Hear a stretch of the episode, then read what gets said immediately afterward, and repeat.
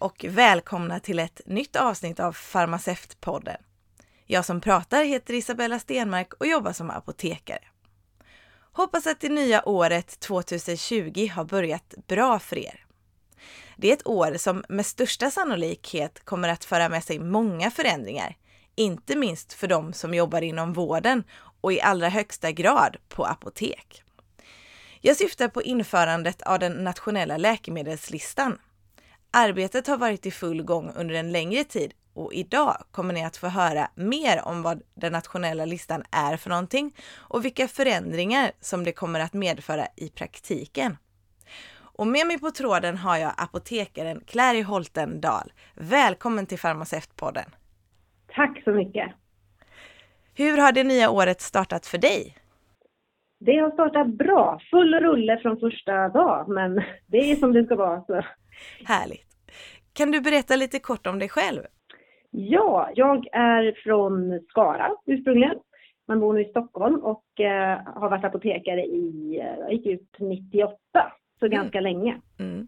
Och jag har jobbat inom diverse olika branscher. Jag har jobbat inom läkemedelsbranschen, myndighet, Sveriges farmaceuter, alltså förbundet eh, och apotek förstås. Och nu så jobbar jag på Kronans apotek som kvalitetsutvecklare halvtid och den andra halvtiden jobbar jag med nationella läkemedelslistan som projektledare på mm. Apoteksföreningen. Mm. Så då jobbar jag liksom för hela branschen vad gäller implementerandet av listan då på apoteken. Spännande. Vi kommer nog få höra mer om det tänker jag. Ja.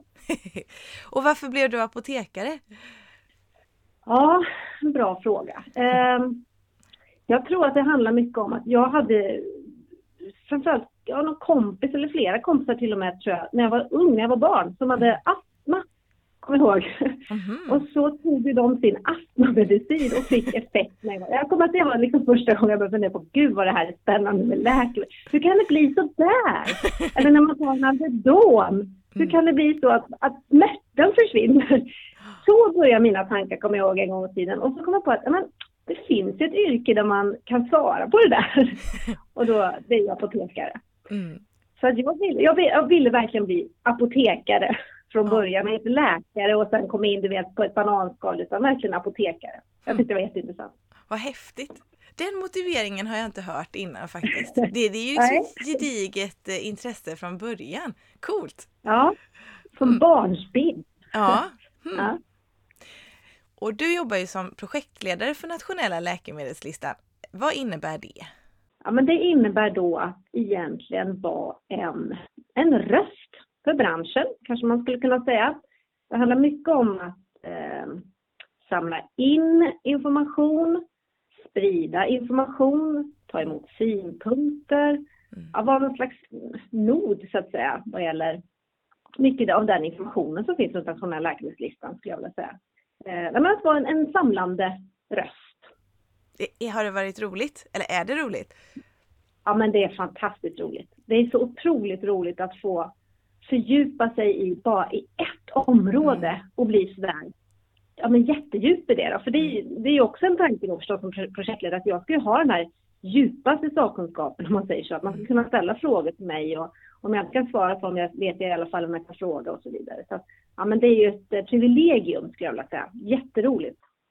Ja, det låter ganska roligt. För jag tänker att det händer ja, mycket. Verkligen. Ja. Och vad är den nationella läkemedelslistan för någonting och vad innebär den i praktiken? Eh, nationella läkemedelslistan är faktiskt egentligen alltså en lag, en, lagen om nationella läkemedelslistan. Mm. Och det handlar om att man från och med den 1 juni 2020, alltså nu i år, kommer att slå ihop två register. Receptregistret och läkemedelsförteckningen slås mm. ihop till ett register. Och det är egentligen det registret som är nationella läkemedelslistan. Mm. Så det här betyder ju att mycket av det här har vi, har vi ju redan på apotek idag. Vi har ju tillgång till receptregistret, vi ser alla förskrivna recept. Mm. Och vi har ju också tillgång till läkemedelsförteckningen. Men det som är nytt då egentligen, det är att även vården kommer få tillgång till den här informationen. Mm. Och patienten. Mm. Så att alla får samma information. Mm. Och det är väl den stora egentligen grejen med nationella läkemedelslistan. Och det kommer ju innebära sannolikt att eh, det kommer finnas underlag för andra dialoger på apoteken tänker jag. Man kommer liksom ha förhoppningsvis mer information faktiskt lite grann än vad vi har nu. Mm. Eh, och eh, att på vårdens sida att man kan ta, ta bättre beslut kanske rent krasst eftersom man har mer information än vad man haft förut. Mm. Så att, eh, ja. Ett hjälpmedel då? Ett bättre hjälpmedel? Ja. Mm. ja. Varför har man beslutat att eh, genomföra detta nu? Alltså det här är ju någonting som man har pratat om länge, eller inte minst vården har ju pratat om bristen mm. på läkemedelsinformation. Mm. Alltså mycket har tiden gått åt till att alltså rent nästan som detektiver eh, hitta informationen om vilka läkemedel patienten mm. tar. Därför att det inte funnits någon samlad information med självklarhet i alla fall. Mm. Det här har pågått i många år och det har också varit mycket diskussioner kring patienters sekretess och det har liksom mm. lagt vissa, lagen har bromsat kan man säga. Mm. Det har inte funnits möjlighet för att man har värnat patientsekretess och så vidare. Men nu har man kommit förbi det mm. och eh, skapat den här listan. Då. För jag tänker så här det här med att man har behövt fiska information om en patients läkemedel. Jag tror inte alla vet det, men en vårdcentral behöver inte nödvändigtvis se vad en annan vårdcentral har skrivit ut eller vad till exempel slutenvården har skrivit ut. Och det vet jag inte om alla är medvetna om egentligen, att det är så. Nej, det är det som är så intressant att många i Sverige idag tror ju att läkaren har all information. Mm. Mm. Så de kanske tycker det här, det här var ju inget, så här är det väl. Mm. Men det är ju inte så, precis som du säger Isabella. Nej, det är inte så. Och det, jag tänker på hur många gånger det nästan har blivit fel på apoteket för att vårdcentralen har förnyat till exempel fast man egentligen är inskriven på hjärtmottagningen och så har inte vårdcentralen och hjärtmottagningen kommunicerat och så har man olika styrkor på samma läkemedel. Ja. Det här måste man ha med sig som farmaceut också tycker jag. Det är jätteviktigt, eller till denna dag i alla fall har varit väldigt viktigt att hänga med på vem har förskrivit vad. Och ibland är mm. inte det nyaste receptet det rätta. Faktiskt. Nej, precis. Nej, precis. Ja, men det, I en framtid när det här fungerar fullt ut mm. så kan man ju hoppas att den situationen blir eh, mindre vanlig då. Mm. Det vill säga att det, att det blir en massa recept som man måste hålla koll på. Utan att det ska bli en rensad lista helt enkelt. Mm. Att, att de förskrivningar som patienten har, de är de relevanta helt enkelt.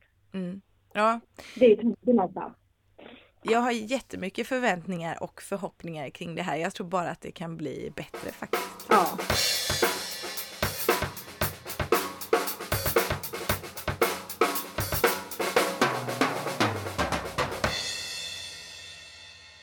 Och hur kommer det fungera med nationella läkemedelslistan? Kommer den att grunda sig på förskrivna recept eller på ordinationer? Jag skulle vilja svara recept då. Mm. eller förskrivningar som e-hälsomyndigheten föredrar att kalla dem. Mm. Eh, men det, ja, det är precis egentligen som nu då, alltså mm. en lista med recept som vi ser. Eh, så recept är svaret helt enkelt. Mm. Ordination är ett betydligt bredare begrepp än, än mm. just eh, förskrivning då, eller recept. Mm. Okej. Okay. Och du har ju varit inne lite på det här med patientens sekretess och jag tänker att eh, patientens integritet måste ha kommit på tal vid upprepade tillfällen. Hur har mm. E-hälsomyndigheten tagit hänsyn till det?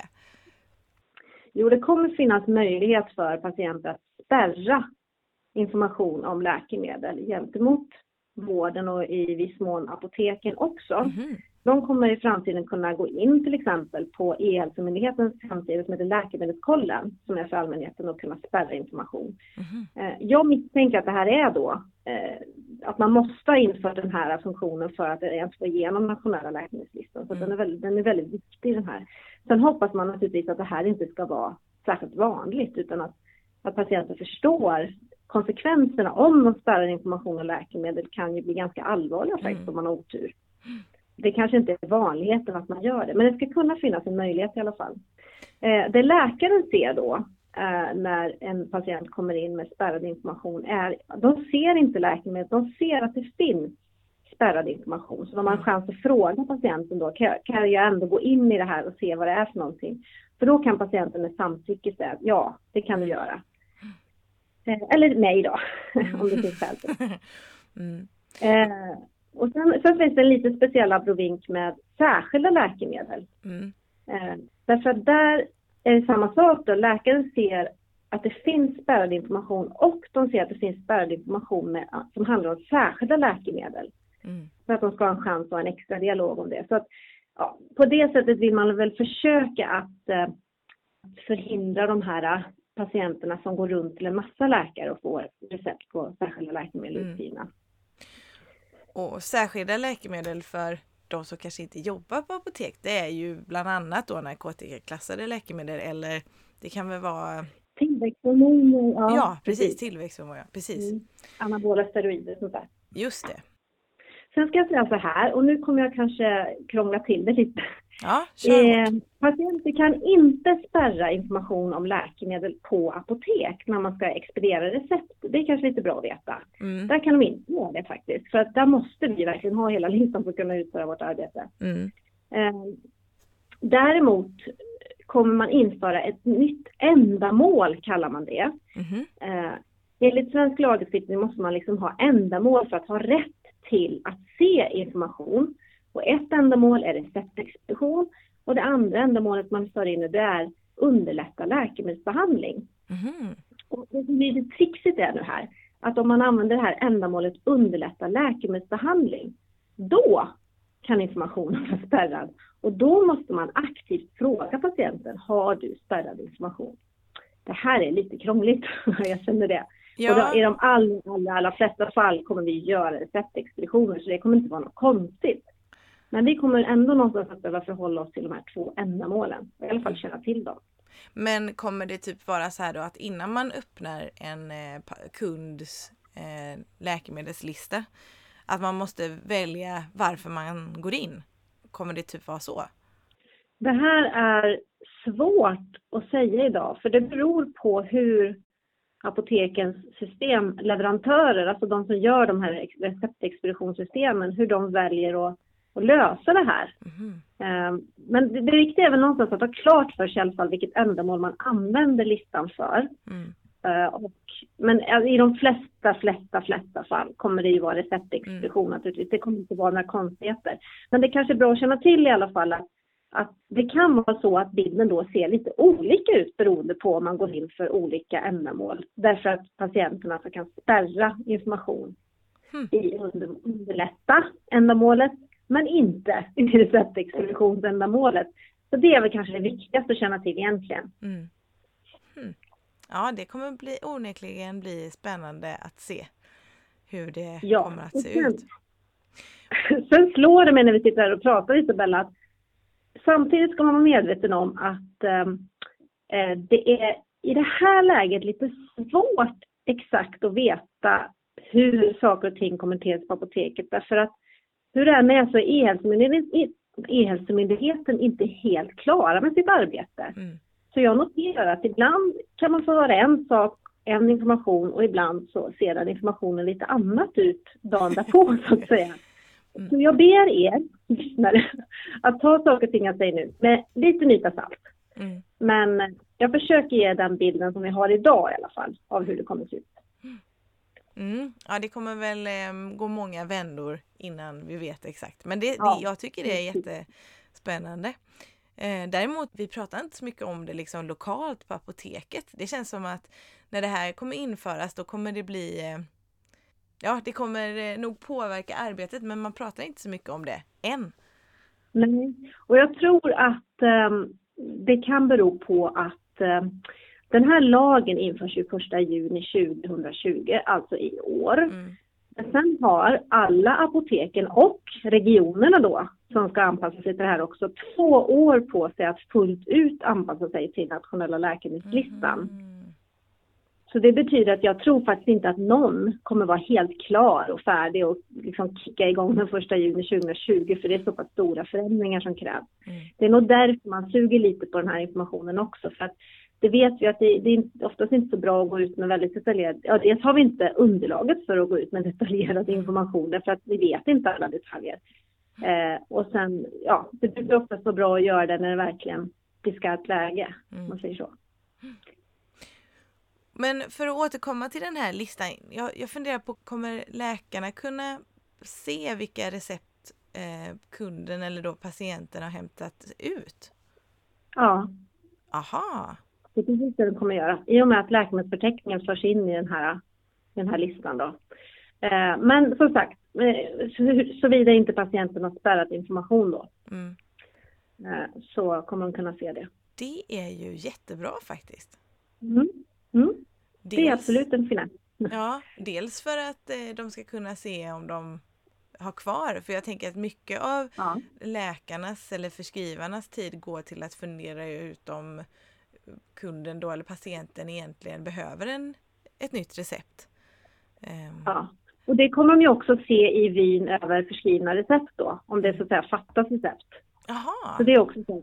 Ja, för de kommer ju också, de kommer se de förskrivna recepten som, som finns, precis som vi gör på apoteket. Aha, ja, jo, jo, ja precis. Ja, men det kommer nog bli eh, jättebra faktiskt. Ja.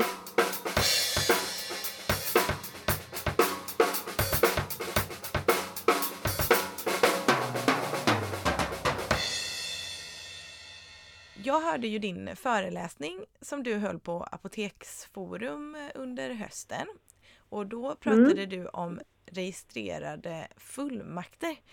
Kan du inte mm. berätta mm. lite mer om det? Ja, för det här är någonting vi måste hantera faktiskt redan före första juni 2020. Mm. Eh, det handlar om att i en fullmakt så har man ju två parter. Man har en fullmaktsgivare och så har man fullmaktstagare. En eller flera, men fullmaktstagare. Fullmaktsgivarna, de kommer liksom föras över till nationella läkemedelslistan per automatik. Men fullmaktstagarna, de måste ge sitt samtycke det betyder att om det kommer in en fullmaktstagare på apoteket som inte har gett sitt samtycke så kommer det då ploppa upp en, en dialogruta dit och, och vill den här personen då ge sitt samtycke. ja eller nej? Gör de det, ja då fyller man in det. Ja, och sen allt frid och fröjd. Säger de nej, nej men då dras fullmakten tillbaka helt enkelt. Mm. Eh, och det här kommer som sagt ske före första juni, så redan nu under våren Eh, kommer och när undrar man ju då kanske, jag ser inte det här på mitt apotek, men det beror på när olika apoteksaktörer väljer att så att säga gå upp på den här releasen som man kallar det från Hjälpmyndigheten på, på respektive apotek. Så det kan se lite olika ut helt enkelt. Men det ska ske före första maj i alla fall, man ha gått upp på den här nya releasen som, som hanterar det här med fullmaktstagares samtycke. Men eh då säger du så senast första maj och sen så ska det vara, måste det vara färdigt till första juni då? Nej, det måste det inte. Aha. Eh, det här, är, det här är ju som ett sätt att undvika att det blir allt för mycket förändringar så att säga, första juni. Man, man har våren på sig att förbereda det här. Nej. Eh, det, det, är så här att fullmakter där fullmaktstagaren inte har gett sitt samtycke, de kommer ligga i väntläge till 31 januari 2021. Mm. Ungefär 7-8 månader då från 1 juni. Eh, innan de i så fall dras undan. Skulle ingen fullmaktstagare ge sitt samtycke då dras de undan då. Men de ligger i väntläge ett bra tag innan de dras undan. Men kommer E-hälsomyndigheten göra någon slags kampanj kring detta så att jag menar ja. fullmaktstagarna får chans att få reda på det? För, ja. ja, de kommer det. Ja, vad bra. Det har de lovat. Ja, Jag tänker liksom så TV, men det blir det väl säkert inte. Ja, ja, men precis. Fråga doktorn. Ja, vilken bra idé. Det kanske man faktiskt ska tipsa dem om. Ja, men det, det har, det har framförts. Ja, vad bra. ja, vad bra. Jättebra. Och jag vet att de också har nämnt anslagstavlan, vilket jag tycker är fascinerande, för jag trodde inte ens att den fanns kvar. Aha, uh, men... Den, ja, den här lilla tecknade gubben. Han som myser. Ja, precis. Jag vet inte om man gör det. Jag har inte sett det här.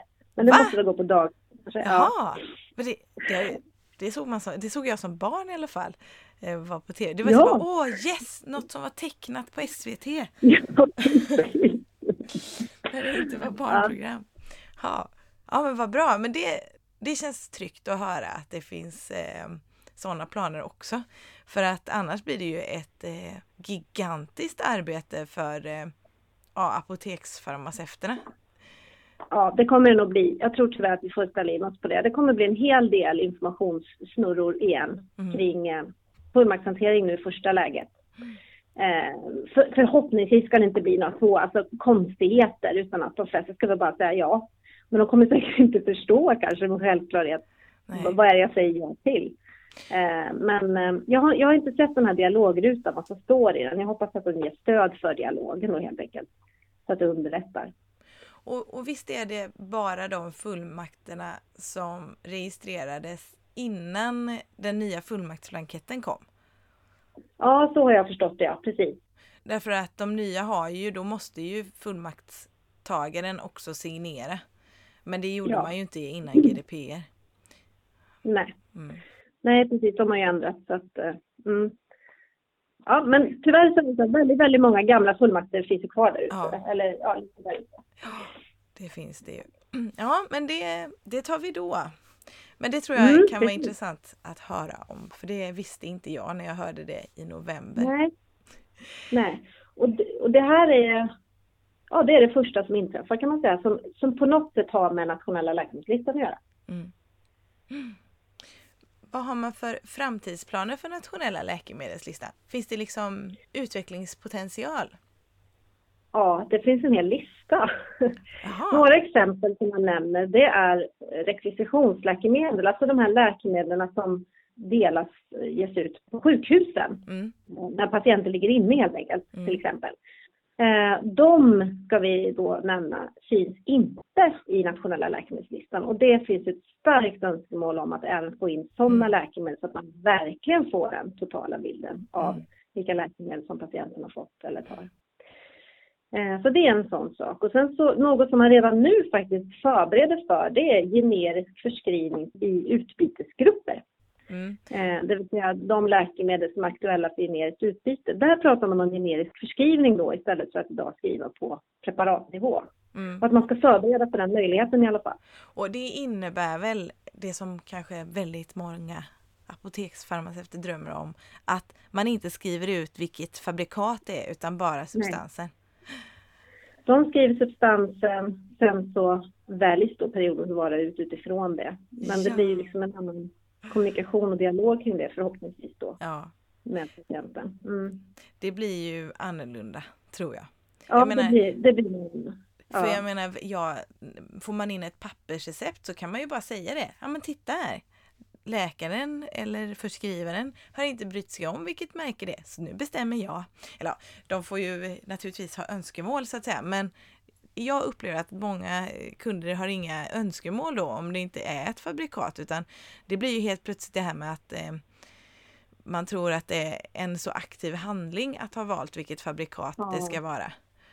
Ja, när, man, när läkaren kanske i själva verket bara skriver det som är längst upp på listan. Ja, mm. definitivt. Ja, det är precis så man tänker att förhoppningsvis ska det här kunna ge en, ja, men en annan dialog, en annan förståelse för det här ändå någonstans mm. i slutändan. Mm. Och då kanske också bättre följsamhet och mindre otrygghet och så vidare. Men det måste ju säkert innebära att hela regelverket för utbytessystemet kommer att ändras också. Ja, det här är en förändring som kräver en hel del liksom, eh, spin-off förändringar, spin-off-effekter. Absolut, så att det är ingenting man gör i en handvändning. Men det stod väldigt tydligt eh, i, i, redan i utredningen kring nationella läkemedelslistan som kom först då, att det här eh, föreslås man förbereda för och det beslutades också av riksdagen att det ska E-hälsomyndigheten förbereda för den här möjligheten. Så det gör de. De har ett sådant arbete. Ah, coolt. Mm. Och sen uppmärksamhetsinfo, en sån annan sak. Det kan ju vara allergi till exempel mot läkemedel och så vidare. Eh, och då åt båda hållen. Alltså att vi kunna ge uppmärksamhetsinfo också till förskrivare. Så att, och det är också någonting vi har fört fram som önskemål att man ska kunna utveckla möjligheterna att, att ha en kommunikationsmöjlighet mellan apotek och förskrivare.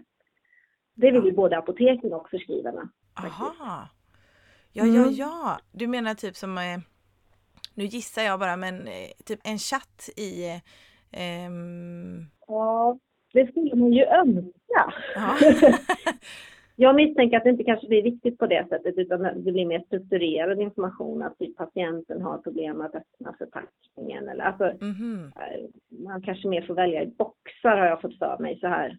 Men eh, i en framtid absolut. I alla fall så kan vi säga att det finns ett önskemål om att man ska kunna ha den här möjligheten att utbyta information. Därför att det är väldigt mycket information som kommer upp på apoteket som mm. handlar om inte minst hanterandet av läkemedel mm. som faktiskt förskrivaren skulle ha rätt stor nytta av. Absolut. Eh, och vice versa förstås. Ja. Och då kanske även förskrivarna får en större inblick i vad som pågår på apoteket. Alltså vad säger vi när vi expedierar? Ja, och faktum är att det kommer de få redan med nationella läkemedelslistan. För det ska man ju tänka på att om vi gör en förändring i nationella läkemedelslistan, då kommer det ju slå igenom direkt så att säga. Så då ser ju läkaren, men jaha, här har det gjorts en ändring och det kommer också finnas möjlighet till någon slags ändringsnotering. Återigen antagligen standardiserade rutor man fyller i. Mm. Inte så mycket text kanske.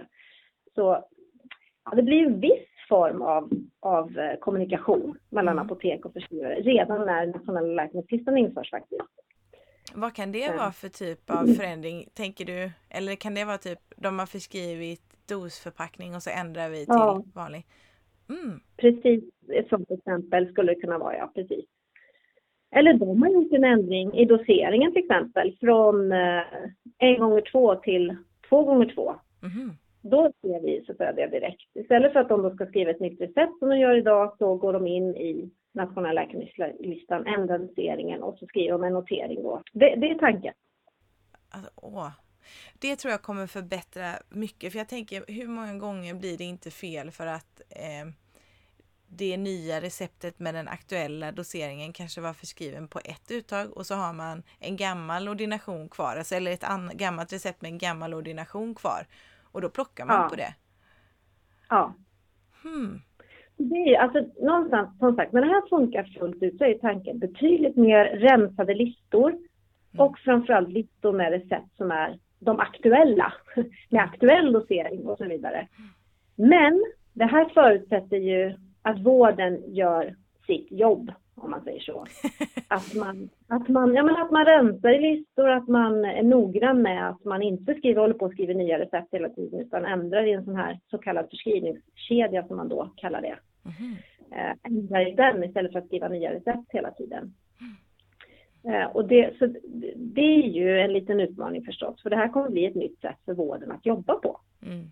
Äh, och det kommer nog kräva sin man och kvinna. Mm. Men det tänker jag, men om man ser fördelarna så tänker jag att man är motiverad ja. kanske till att eh, ja, ta sig an den här utmaningen.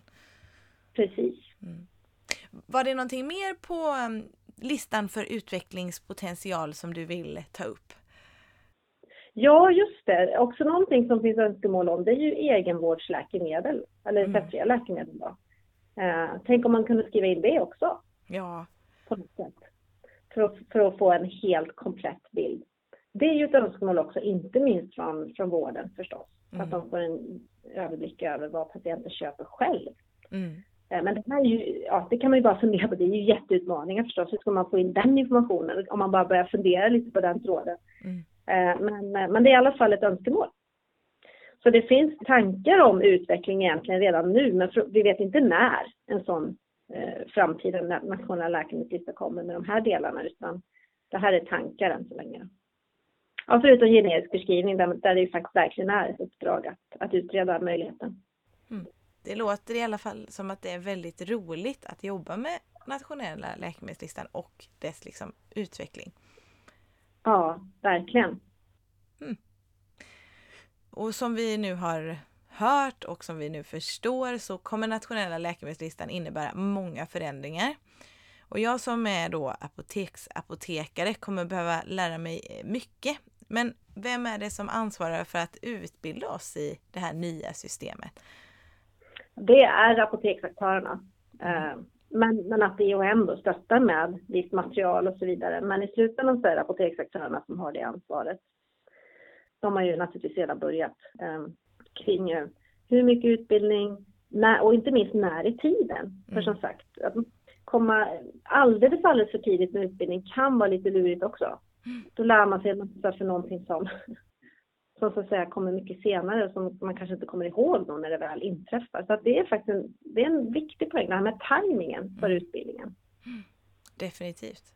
Men just det här med fullmakter tänker jag att det måste ju komma ut för ja. det tror jag inte man vet riktigt ännu. Nej. Så efter det här programmet så kommer horder av mejl att eh, eh komma in till huvudkontoren och utbildningsenheterna där. Mm. Ja. Det får vi hoppas i alla fall. Ja, men det, jag utgår från det finns det planer för naturligtvis, utbildning kring det. Jag tror det handlar mycket om att vara medveten mm. om att det här inträffar. Mm. Ehm, helt enkelt. Mm.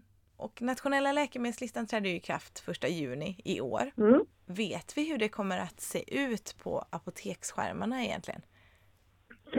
Ja, och det beror då väldigt mycket på hur, som jag sa förut, hur olika systemleverantörer till de här apoteksaktörerna väljer att presentera informationen på skärmen så att säga. Mm. Det vi vet idag, men det är det här med fullmaktshanteringen som vi redan pratat om, som mm. vi redan införs förut till och med. Sen finns det en detalj som införs 1 juni 2020 och det är återigen då en spärr. Men i det här fallet en spärr gentemot vårdnadshavare. Nu pratar vi alltså barn 0 till 18 år. Jaha. Där kommer det finnas en möjlighet för förskrivare att lägga en sekretessspärr som det kallas, om det är någonting som är mm. väldigt känsligt. Och det är en väldigt tydlig signal om att den här informationen får vi absolut inte dela med vårdnadshavaren whatsoever. Mm. Liksom. Eh, om det kommer in en vårdnadshavare och man ser att här finns det ett spärrat recept gentemot vårdnadshavaren, då måste man vara helt tyst kring det. Mm. Den möjligheten att lägga sådana spärrar kommer att införas från och med 1 juni 2020. Så det måste systemet så kunna hantera. Nu kommer det här sannolikt och förhoppningsvis vara väldigt sällan. Men det är också någonting som man måste mm. ha med sig som en beredskap att det här kan inträffa om det kommer in en vårdnadshavare till ett barn. Självklart är det så att om barnet själv kommer in, då är informationen inte spärrad.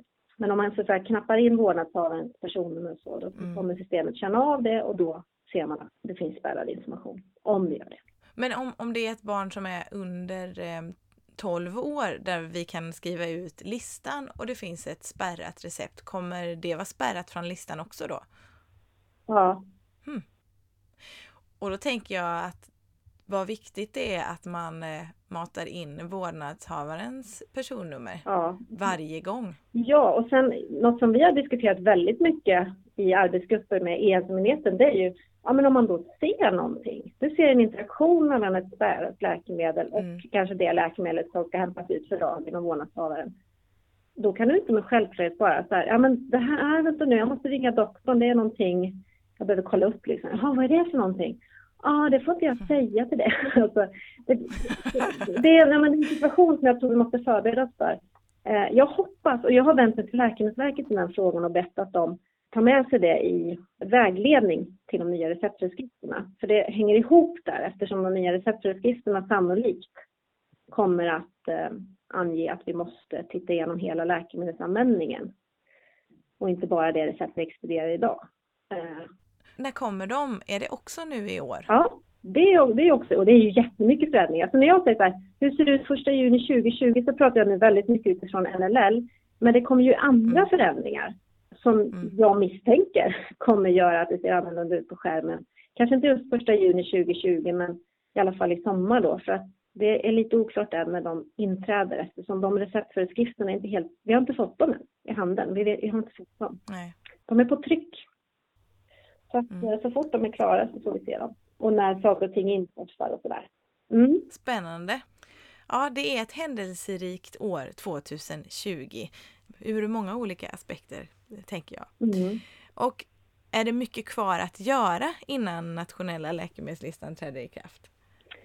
Ja, det jag vet att i alla fall E-hälsomyndigheten jobbar väldigt intensivt med och väldigt högt prioriterat, det är naturligtvis att sköta den här tekniska lösningen. Första juni 2020 mm. så måste man ha vissa tekniska lösningar som kan hantera nationell läkemedelslistan och alla de här gamla systemen som ju ändå finns kvar. Alltså nu pratar jag om de här systemstöden, expeditionssystem till exempel och journalsystem och sånt där ute hos vården. Därför att de finns ju fortfarande kvar, de här gamla systemen. Så då måste man ha någon teknisk lösning som så att säga översätter information så att den kan hanteras. Det kallar man för transformator och det jobbar man jättemycket med, att, att lösa det. Så att natten mellan 31 maj 2020 och 1 juni 2020 har E-hälsomyndigheten själva beskrivit som ungefär som att byta hjärta. Det är en ganska bra beskrivning för det är, nog, det är lite det det handlar om. Det är, det är jättespännande ögonblick där klockan 00.00 när det här nya systemet ska kicka igång. Eh, så det förstår man att det är mycket jobb kvar där. Och på vår sida, om man säger så, apotekens sida, ja men det är ju det här med utbildning, förberedelse, kanske fundera lite kring krishantering här kring den första juni. Um, men alltså förhoppningsvis ska det inte bli någonting, men, men man vet ju aldrig. Nej, nej, nej, man vet ju inte. Ja, så, mm. så nu, nu börjar man väl komma in i ett mer, så att säga, en praktisk fas, alltså där man måste verkligen börja förbereda i praktiken också det här. Mm. Inte bara i teori. Ja. Mm. Ja, men som jag sa på Apoteksforum, eh, NLL is good news. eh, det här är ju jättespännande att se vad det här tar vägen. Det kommer krävas en hel del. Det kommer krävas från apotek, det kommer krävas nya arbetssätt inom vården som jag har pratat om. Mm. Men i slutändan så kan det här bli riktigt bra. Absolut, det tror jag också. Vi har onekligen en spännande tid framöver. Eh, tack Clary för denna uppdatering kring nationella läkemedelslistan, eller då NLL som jag har förstått man förkortar den. Ja, tack för att jag fick vara med. Ja, absolut. Det var jätteroligt. Jag är jättenöjd att jag får lite så här, det känns som lite förhandsinfo eller lite det som händer någon annanstans. Ja. Så det känns jättebra faktiskt. Ja, ja. Tack till alla er som har eh, lyssnat. Jag hoppas att ni har lärt er lika mycket nytt som jag, eller åtminstone fått massa nya funderingar och skickar massa mejl till era apoteksansvariga som, som borde starta igång det här med fullmakter kan jag tycka. Om du tycker om Farmaceutpodden får du inte glömma att följa Farmaceutpodden på Instagram eller Facebook. Och du vet väl att du kan lyssna på Farmaceutpodden via Spotify eller via hemsidan på Podbean. Sköt om er och ha det så bra. Hej då! Hej då!